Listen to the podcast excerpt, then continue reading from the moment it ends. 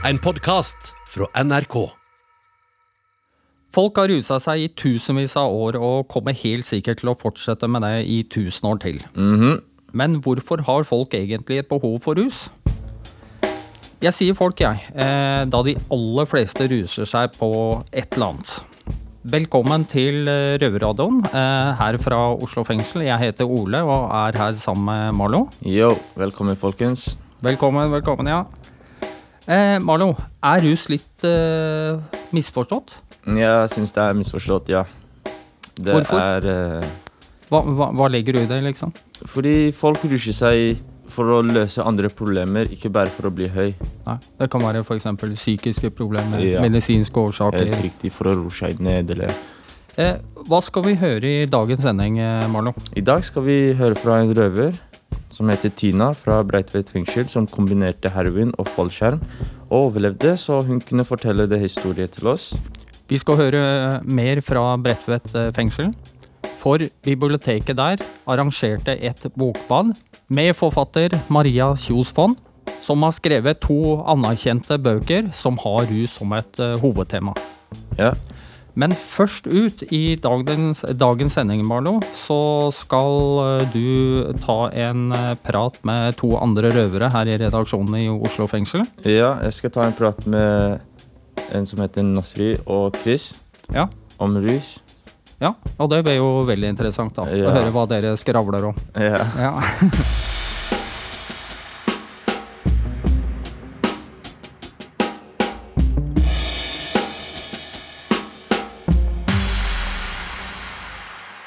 Det fins mange forskjellige rusmidler, og det fins enda flere grunner til å ruse seg med dem. Mitt navn er Nasri, jeg er med Malo og Christian. Hallo. Yo. En, uh, hva er forholdet ditt til rusa, Christian? Nei, Jeg har rusa meg mye opp gjennom i livet. Det har jeg. Det har du. Jeg er helt enig. Hva med deg? Jeg har røyka ganske mye da jeg var ute. Og øh, hvorfor rusa du deg, da? Uh, bare for å slappe av, rett og slett. Ja, Hva med deg, Kristian? Nei, for å komme gjennom dagen mange ganger. Jobbe. Jobba mye. Men eh, hva er liksom rusmidler for dere? Det jeg ser på som rusmidler, er kokain og sånn heavy greier. Mm. Kokain, amfetamin, heroin og sånne ting. Og piller. Mm. Uh, og grunnen til det er det gjør mye skade. Det skader øh, psykisk og fysisk. Man kan se det på kroppen nå. Men alkohol og sånn, hva syns du om det? Alle. Det er jo det verste rusmiddelet, spør du meg. jeg jeg syns alkohol er en av de verste. Mm. Hva syns du? Syns du ikke det? Eh, jo. Jeg har ikke godt av det, i hvert fall. Det har jeg ikke. Alkohol, Alkohol er jo lovlig òg. Det er det som gjør det enda farligere. At man er- kan det kjøpe en- det hvor som helst, egentlig. Ja. Så lenge du har kroner nok til det, så kan du bare kjøpe så mye du klarer. Mm. Og angående nå i koronatiden, så har prisen gått ned òg. For Ja, alkohol. det er sjukt. 10 liksom. Ja. Folk isolerer litt, seg, vet ja. du. Skal bruse seg liksom for å komme gjennom dagen, kanskje. Ja. Og så er det lett å kanskje gå på polet og kjøpe, i hvert fall nå som det blir billigere, da. ja. Så tror jeg det skaper flere alkoholikere. Altså, Dra, hva, drakk du mye når du var ute? Og, hva, og liksom, hva skjer med deg når du drikker? Nei, altså, jeg drikker kanskje én gang i skuddåret. Det er sånn når det har gått så lang tid at jeg nesten har glemt hvor dum jeg blir. Og så kan jeg drikke, og da drikker jeg liksom som om det skulle vært første og siste gangen, og så havner jeg i fyllearresten som regel. Så egentlig så drikker jeg aldri. Eh, Jeg prøver i hvert fall å la være, da. Når jeg drikker, folk sier at eh, jeg blir en helt annen person. Mm. Og så jeg Jeg vet ikke, fordi jeg husker ikke neste dagen hva jeg gjorde, men eh, de sier at jeg Jeg blir aggressiv og Altså En eller annen gang i løpet av kvelden da, så svartner det for meg. Det, er liksom, det skjer hver gang. Og så våkner jeg i fyllearresten og så husker Ja, ja. ingenting, og så har jeg vært helt idiot. Og da liksom Da frister det ikke å drikke, egentlig. For det er liksom moroa blir borte. Men Kristian, jeg har et Mm. spørsmål til deg. Hva har du rusa deg med? Amfetamin har det gått i. Amfetamin? Ja. Du, du har rusa deg bare med det, det var en eh, periode som jeg rusa meg med smertestilling eh, og ja. Tabletter. tabletter, Tabletter som smertestillende? Ja. Lyrica og, og tramadol og sånt? Tramadol. Mest. Ok. Ja. Oxy og sånn, eller? Nei. Bare Men jeg har prøvd, da. Mm. Ja. Jeg personlig har brukt mye hasj. For jeg pleide ikke å få sove hvis jeg ikke røyka. Jeg trengte nattingsen. Mm. Jeg klarte ikke å spise noe særlig. Tok to-tre bit hvis jeg ikke røyka. Og så var jeg mett. Selv om jeg var egentlig dritsulten fra starten. hvor jeg Bare appetitten min ble borte. Litt sånn selvmedisinering du driver med, da. Ja. Men jeg, hadde, jeg pleide ikke å røyke fordi jeg hadde det dårlig. Jeg gjorde det fordi jeg hadde det bra, men jeg var liksom avhengig av det, for å si det sånn. da. Det var liksom, jeg starta jo med det da jeg var 14 år. Mm. Ja, jeg jo. Det ble liksom, det ble sånn hverdag for meg. Det, hverdagen min var sånn det var. Så jeg brukte jævlig mye hasj hele tiden. Begynte du tidlig, eller? Jeg begynte rundt ti. Oi, Når jeg var ti, så begynte jeg å, å røyke. det er tidlig. Ja. Men uh, brukte du noen rusmidler før du kom inn? Ja, ja, ja. Hvordan var, for deg, hvordan var overgangen fra å være ute til å komme inn med rus? Jeg vet hva, overgangen var uh, helt uh, På trynet? Nei, det var ikke det, altså. Jeg hadde regna med det, egentlig, men jeg var så forberedt på å gå inn, og jeg var så forberedt på å slutte. At okay. jeg hadde bestemt meg egentlig før jeg kom inn. liksom. Så når jeg ble arrestert og skulle i fengsel, liksom, så jeg følte meg letta. Jeg ble, det var deilig å bli tatt, egentlig. Jeg jeg var på rømmen i ni måneder, liksom. Det var, liksom, det var på tide å Å slappe av og slippe å se Da rusa deg mye i de Det var harde ni måneder. måneder, da. Ja. Ja, det var det. Så jeg kjørte hardt, da. Fordi jeg visste jeg skulle inn og sone, og det kunne skje når som helst. ja. Og tenker jeg ruser meg hardt. Og så når jeg da kommer inn, så kan jeg bare kutte ut alt, for da er jeg drittlei, liksom. Da rusa jeg meg så hardt at jeg, jeg trenger en pause uansett. ja. Jeg for eksempel, jeg hadde, det var ut av det blå. Det var noe, en hendelse som hadde skjedd, og jeg var etterlyst i syv dager, syv dager før jeg ble pågrepet. Og så ble jeg pågrepet på en fredag. Hadde jeg visst at jeg var etterlyst, så hadde jeg ikke vært ute. hadde bare gjemt meg. Mm. Men eh, jeg var ikke forberedt for å bli putta i bur, for å si det sånn. Det er kjipt. Så jeg fikk ikke kose meg før jeg kom inn. Altså. Men overgangen min fra å, komme, fra å være ute til å komme inn med rus, liksom angående rus, det var ikke så vanskelig, men den første uka var litt strevende for meg. ja. Mm. Fordi jeg svetta mye, jeg trengte å røyke. Jeg var her i Oslo, og i femte avdelingen. Jeg svetta mye. Og når hunden Mens kom du sov? Ja, Ja, altså. når hunden ja, kom og sånt, bikkja skulle komme for å gå rundt i avdelingen Første når hun gikk løp inn på, det var cella mi. Og så bare hoppa han på senga mi. Betjentene sa det til meg. Men jeg tenker, det var litt morsomt å spurt noen som faktisk ikke ruser seg på narkotika på utsida, da, men som havner i fengsel fordi de kanskje har gjort noe eh, enten økonomisk eller knivstikke noen, eller at Ja. et eller annet har skjedd. Og hvordan overgangen for dem er, liksom, til å komme i et fengsel hvor tilbudet med narkotika er så stort, da. Ja. For det er det. Ja. Det, er, det er jo lettere å få tak i stoff enn Paracet i fengsel. Jeg er enig der, altså. Det er det. Ja. Men mesteparten så er det ting man ikke tar, eller man ikke bruker, da. For oss yngre. Mm. Jeg er jo bare 19 år. siden. Mesteparten det er folk som er yngre enn meg. De som er like gamle som meg, bruker jo ikke piller, for å si det sånn. Og det er jævlig mye piller som går her. Og jeg husker når jeg, en av de første gangene jeg havna i fengsel, liksom, så var jeg så glad for å, å komme i fengsel og komme meg vekk fra de pillene, liksom. At eh, ja, Jeg takka han der direktøren der, husker jeg, for at uh, jeg fikk være der et år. ja. Men um, en gang på Hotell Opera så kom politiet, og så så jeg også i nøkkelhullet, for det var noen som fikla med døra. Og så titter jeg i nøkkelhullet, og så ser jeg bare Det er et skilt til politiet. liksom. Og så tenkte jeg fader, jeg hadde masse greier der. ikke sant? Og så tar jeg det var tre kilos pakke. da. Og så går jeg ut på balkongen der, og så tenkte jeg hvis jeg kaster den og så På Hotell Opera så har du jo trykkeskinnene på utsida. Ja. Så jeg tenkte jeg skulle kaste sånn at det, i tilfelle politiet ikke skulle være rasse, da, så kunne jeg gå og hente det etterpå. ikke sant? Og så, og så ja, når jeg hørte dem komme inn døra, liksom, så tar jeg bare og kaster den pakka, ikke sant? og så hører jeg bare sånn på metall, eh, sånn metallyd. da. Og så Ja. titter jeg liksom over balkongen der, og da Ligger på toppen pakka på, på toppen av politibilen. altså. Politibilen? Ja, ja. Ja, han politimannen han bare titta opp med de øya, liksom. Bare hva er det som skjer? For, ja, ja, da den, måtte da. jeg faktisk le. Ja, er du gæren? Det var den bulken i politibilen. Å, fy faen. Så det var litt sånn komisk. Da måtte jeg faktisk le, da. Men ja, det er jo den, det er den saken jeg sitter for nå, egentlig. Men er er det noen av dere som har prøvd syre før, eller? LSD? Nei, altså. Mm, Nei. Men eh, LSD-gutta må du aldri prøve, altså. Det er Nei, jeg, heavy shit. Jeg Altså. fikk høre at man tripper Ja, helt. ja, ja. Liksom. Har vært Man hallusinerer og ser Mm. ting fly og sånn. Er er det sånn? Ja, ja, jeg har vært våken i seks dager. Jeg, så dro jeg på Kvartfestivalen. Og tok jo syre på morgenen der. Og så, akkurat når jeg har tatt den syrebiten, så kommer sola opp. Og du bare kjenner det begynner å koke i huet. Altså, jeg kan ikke beskrive det engang. Men eh, jeg huska ikke hva jeg het, så hun jeg var sammen med, måtte fortelle meg hva jeg het. Og jeg husker jeg ringte til og med faren min for å be han hente meg i Lillestrøm, liksom. Og jeg var jo i Kristiansand. Aldri mer. Etter verste, det verste jeg har sett, det skjedde med en kompis av meg. Og det der skal jeg aldri gjøre det. Han hadde tatt tramadol, og så hadde han øh, drukket. Han hadde drukket før, så tok han tramadol mens han var full. Så går jeg bare tre minutter unna for jeg skulle hente noe. Så kom jeg tilbake, og vi var mange. Så kommer jeg tilbake til der vi var, så ser jeg alle sammen er borte. Tenker jeg, hva faen har skjedd? Så ringer han ene meg og sier, hør da, du må komme deg ned til legevakta nå. Og jeg bare hopper på taxi og går med en gang dit. De sier til meg, bror, kompisen din, bror, han kollapsa på bakken. Han begynte å få sånn hvit greie ut av munnen. mm. Han, Det, som er, det som er mest skremmende, er også det skjedde en gang foran meg, og jeg trodde han skulle dø.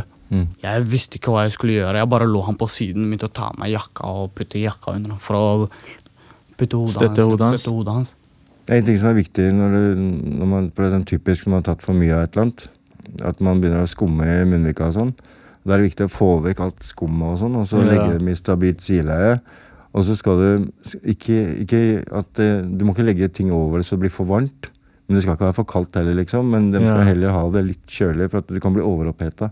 Okay. Det er mange som uh, gjør feil noen ganger. At de legger varme pledd over, og sånn, og så blir det for varmt. Og så Ja. uh, eskalerer det rusen, på en måte. Jeg visste ikke om sånt. Hvilke grunner er det, gutta, for å ruse seg? Noen har det dårlig. Noen vil fly. Sveve, opp i, sveve, opp, sveve rundt i skyene. Jeg bruser meg når jeg kjeder meg, eller når jeg vil slappe av. Når, jeg, når, jeg, når tankene mine Når tankene snurrer. Ja, og jeg trenger å bare slappe av, så tar jeg meg en joint. Uh... Men jeg, liksom, ting jeg bruker, jeg ser ikke på det som rus. Og det er hasj jeg bruker. Eneste jeg ser på som rus, som jeg bruker av og til når jeg var ute, i hvert fall nesten hver helg, så var det alkohol. Mm. Og grunnen til jeg brukte alkohol, grunnen til jeg drakk, og det var fordi jeg ville feste. Nei, det er vanskelig å si at vi ikke skal ruse oss noe mer, i hvert fall. Men, Nei, du Du mener at du kommer ikke til å ruse deg når du, Nei, når du går ut? Ja, jeg, jeg, Du er ferdig. jeg er ferdig. Du er helt ferdig? Jeg er ferdig. Det er Ikke sant? Det er veldig bra. det. Det er å, så fort man får seg et barn, så er det mm, en ny verden, altså. Ikke sant? Ja. For det Når livet, rus ikke passer inn. Ja. Ja. Helt riktig. Mm.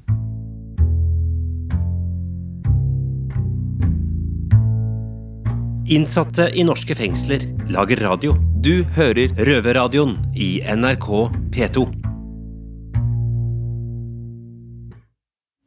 Ja, Marlon, føler du at du fikk eh, letta på hjertet ditt og fått ut hva du eh, har tygget på i mange år, eller? Ja, man kan, eh, man kan si det. Ja, det var spennende å høre hva de andre hadde. Ja, det var jo veldig interessant å høre. Ja. Hva med deg? Ja?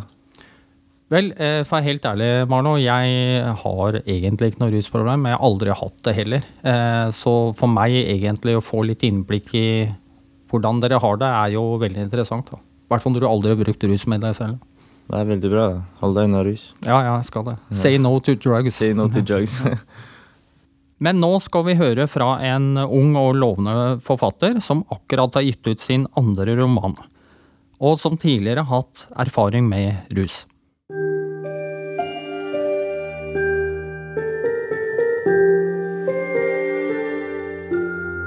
Deichman-biblioteket i Oslo arrangerer hvert år en litteraturfestival på bibliotekene i Groruddalen. Og høsten 2020 så hadde de for første gang også et arrangement i Bredtvet kvinnefengsel. Jeg har jo vært eh, mye opptatt av um, rus, psykiatri, overgrep, vold. Altså den type ting. Da. Folk som faller litt utafor samfunnet på ulike måter. Um, har vel egentlig aldri skrevet om noen som ikke gjør det. Maria Kjos Fonn ga ut sin første roman i 2018, som ble nominert til en haug av priser, bl.a. P2-lytternes romanpris. I fjor kom hun ut med en ny roman, 'Heroin chic'. Jeg sitter rundt et samtalebord hos anonyme narkomane, og resepten er ord ut og ingen piller inn. Dele heter det. Jeg kunne jo dele. En sprøyte, en Rivotril på fire. Kroppen min. Men snakke. Det er bortkastet kapasitet med munnen. Den må kunne bruke det i sang eller kjærlighet eller piller eller alkohol eller røyking eller mat eller oppkast. Ikke til å ødelegge enda mer ved å prøve å forklare hvor ødelagt det hele er. Hei, jeg heter Elise, og jeg er rusavhengig, sier jeg. Jeg var voksen da jeg prøvde heroin første gang. I kirken på Bredtvet ble hun eh, bokbadet av en innsatt med andre innsatte som publikum. Ja, for det, det tenker jeg jo å spørre om, om det er noen Som du er litt inne på nå, da, om det er noen likheter mellom deg og hovedpersonen? Ja, Likheten er jo at vi har vært avhengig av det samme, heroin og, og piller. Eh, og at vi på en måte klarer oss ganske bra. Sånn, eh, men hun er jo fra veldig sånn vestkanthjem. Eh, det er ikke jeg. Men, men eh, jo, jeg kommer fra et sånn møblert hjem, liksom. Eh, og, og, livet hennes er veldig forskjellig fra mitt. Eh, var så vidt inne på det. Uh, hvorfor, hvorfor, har du valgt å skrive om dette? og Hvorfor syns du det er viktig å skrive om? Uh, jeg tror det er, så, det er, så, lite folk vet om avhengighet. Og særlig i sånn norsk litteratur, da, så er det på en måte ganske lite skrevet om f.eks. heroin. Det er skrevet ganske mye om alkoholmisbruk, for det er noe alle har et forhold til. Uh, for det er lovlig. Um, men at jeg ville liksom gå dypt inn i avhengighet, hva det gjør med en person, uh, hva det gjør med personene rundt. Uh, og, og, det er også helt forskjellig. Boka ville vært helt annerledes om jeg skrev om amfetamin, f.eks. Så det blir jo på en måte heroinet som er nesten hovedrollen i boka. på en måte.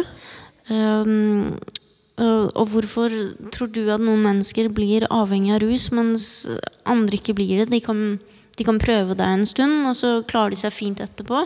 Og så er det noen som bare blir hengende igjen, som ikke klarer å komme ut av det. Uh, jeg tror det er uh, noen det virker bedre på enn andre. Det er det ene. Uh, men så er det også sånn det ble gjort et forsøk hvor man ga rotter heroin. da og alle ble avhengige, og de valgte heroin foran mat osv. Men så var det en forsker som tenkte men de sitter bare inne i et lite bur, så annet har de å gjøre? Så fikk de en stor fornøyelsespark hvor de kunne pare seg og, og, fly rundt. Og da, da, brydde de seg ikke om heroinet. Uh, sånn at det handler litt om hvordan man har Eller mange bruker jo rusmidler for å dempe veldig stor smerte.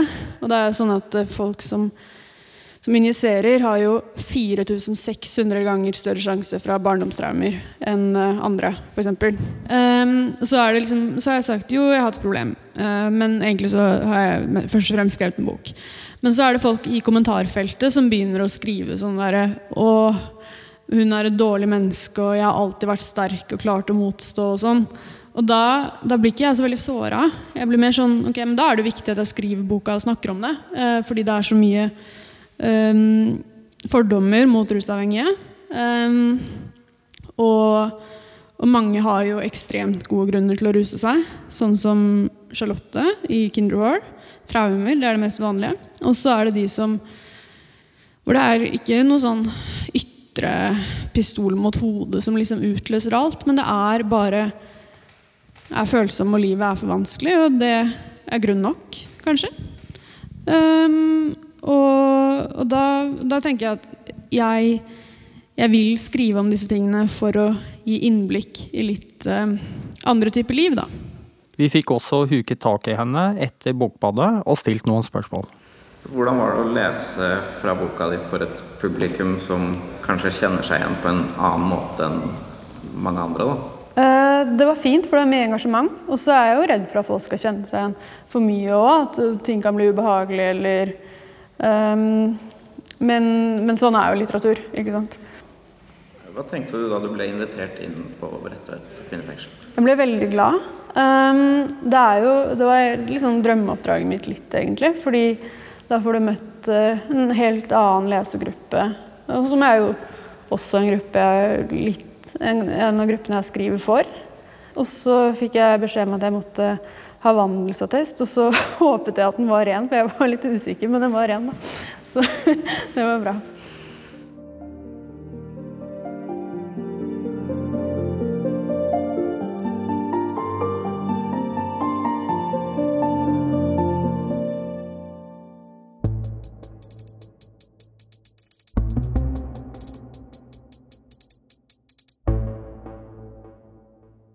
Sist ute i dag er Røver-Tina. Ja, røver Tina eh, kombinerte heroin og falmskjær samtidig.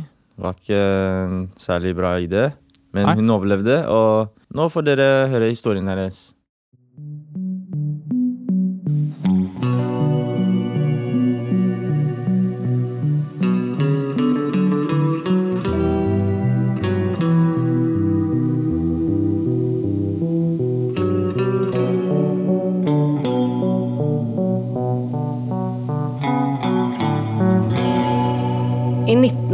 1989 brukte man fremdeles utedass på flyplassen i Ski. Dette var ikke noe stor kommersiell flyplass à la Gardermoen, men en liten flystripe i litt snevrere bruk. Meg bekjent så var det i alle fall bare oss fra Ikaros fallskjermklubb der. Jeg hadde gjort to hopp denne dagen og hadde planlagt i hvert fall ett til. Vanligvis ville jeg venta til alle hopp var gjort før jeg tillot meg et nytt skudd med heroin, men eh, behovet for en justering blei så stort denne dagen at jeg sneik meg inn på dassen mellom to hopp.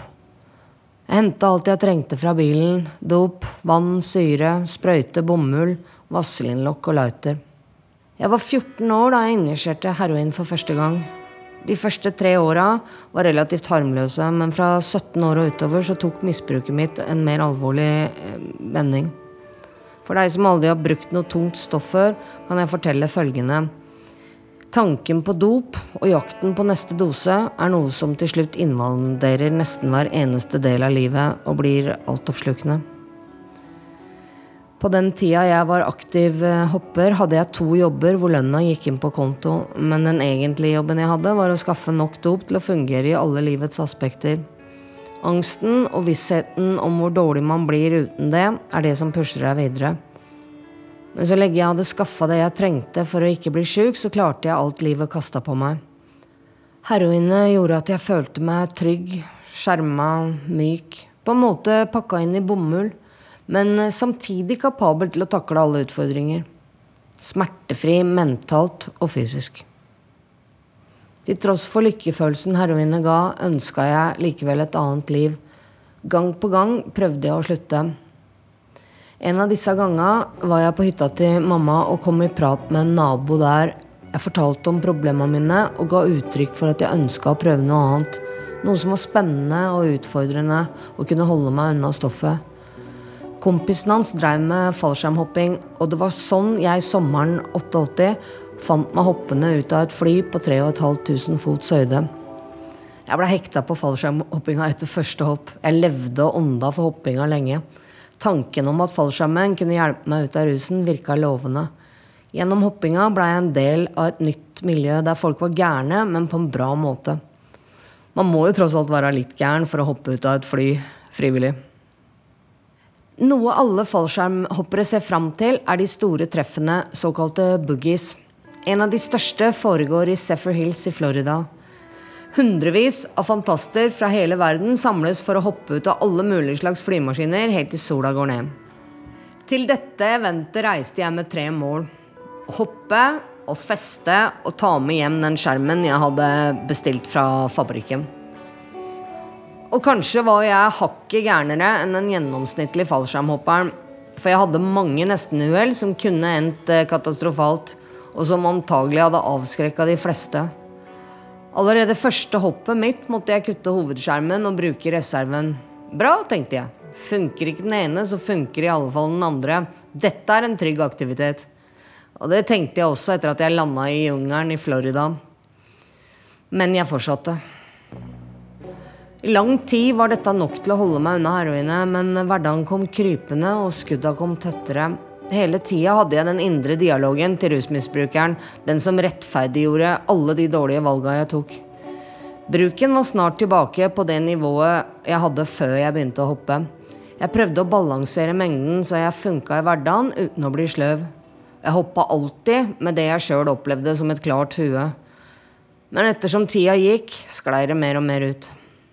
En dag mellom to hopp gikk jeg ut på utedassen på flystripa på ski for å sette meg et skudd. Og mens jeg satt og kokte dopet med lighter og et vaselinlokk, fikk jeg en aha-opplevelse. Den indre dialogen min raste totalt sammen. Og jeg så meg sjøl og virkeligheten i det jeg holdt på med. Én ting er å utsette seg sjøl for fare. Noe helt annet er å utsette alle dem jeg hopper med, for den faren som jeg tok så lett på sjøl. Det blei ikke flere hopp på meg den dagen. Det ble faktisk veldig lenge til jeg skulle hoppe igjen. Jeg gjorde et forsøk til et år seinere, men hoppinga blei aldri det samme. Det skulle ta ti år før jeg klarte å slutte med heroin, og ti år til før jeg slutta med metadon. Nå når jeg ser tilbake, så føles det som så mange bortkasta muligheter. Så mye liv jeg ikke fikk levd pga. rusen. Jeg slutta å gå i begravelser da jeg var bare 20, og det var bare for jævlig, og jeg var sikker på at det var der jeg kom til å ende også. Men i dag så anser jeg meg som en av de heldige som klarte seg gjennom. For i dag så kan jeg se tilbake på ni år som nykter, og jeg har fremdeles liv igjen å leve.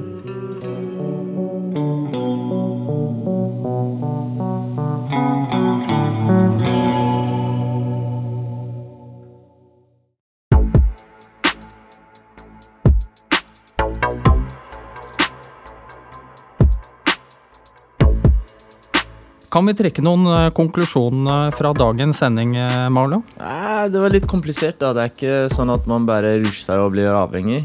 Nei. Jeg er litt bak eh, den tanken der. Ja. Hva likte du best, Marlo? Jeg likte den praten hun, jeg, Nasri og Chris hadde om rus. Dere fikk liksom prata ut uh, Ja. om deres forhold til rus, liksom. Ja, reflekte våre tanker og ja. Hva med deg? Jeg er eh, enig. Jeg likte den aller best, men en god nummer to er egentlig tiden av fallskjermen. da. Den var god, eh, god nummer to, da. Hva skal du gjøre på cella, Marlon? Ja, jeg skal bare lage meg litt mat, eh, slappe av, trene litt. Så se Helt vanlige ting, altså. Ikke noe spennende, liksom. Ikke noe spennende. Nei.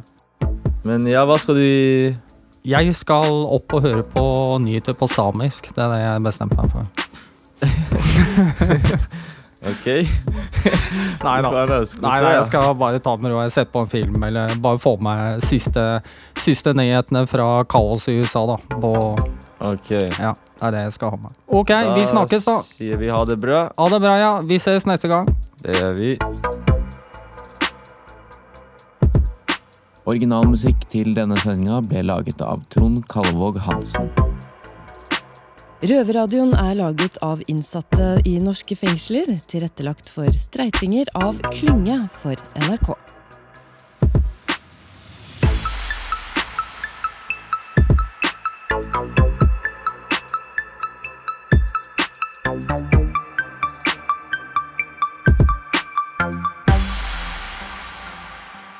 Du har hørt en podkast fra NRK. Hør flere podkaster og din favorittkanal i appen NRK Radio.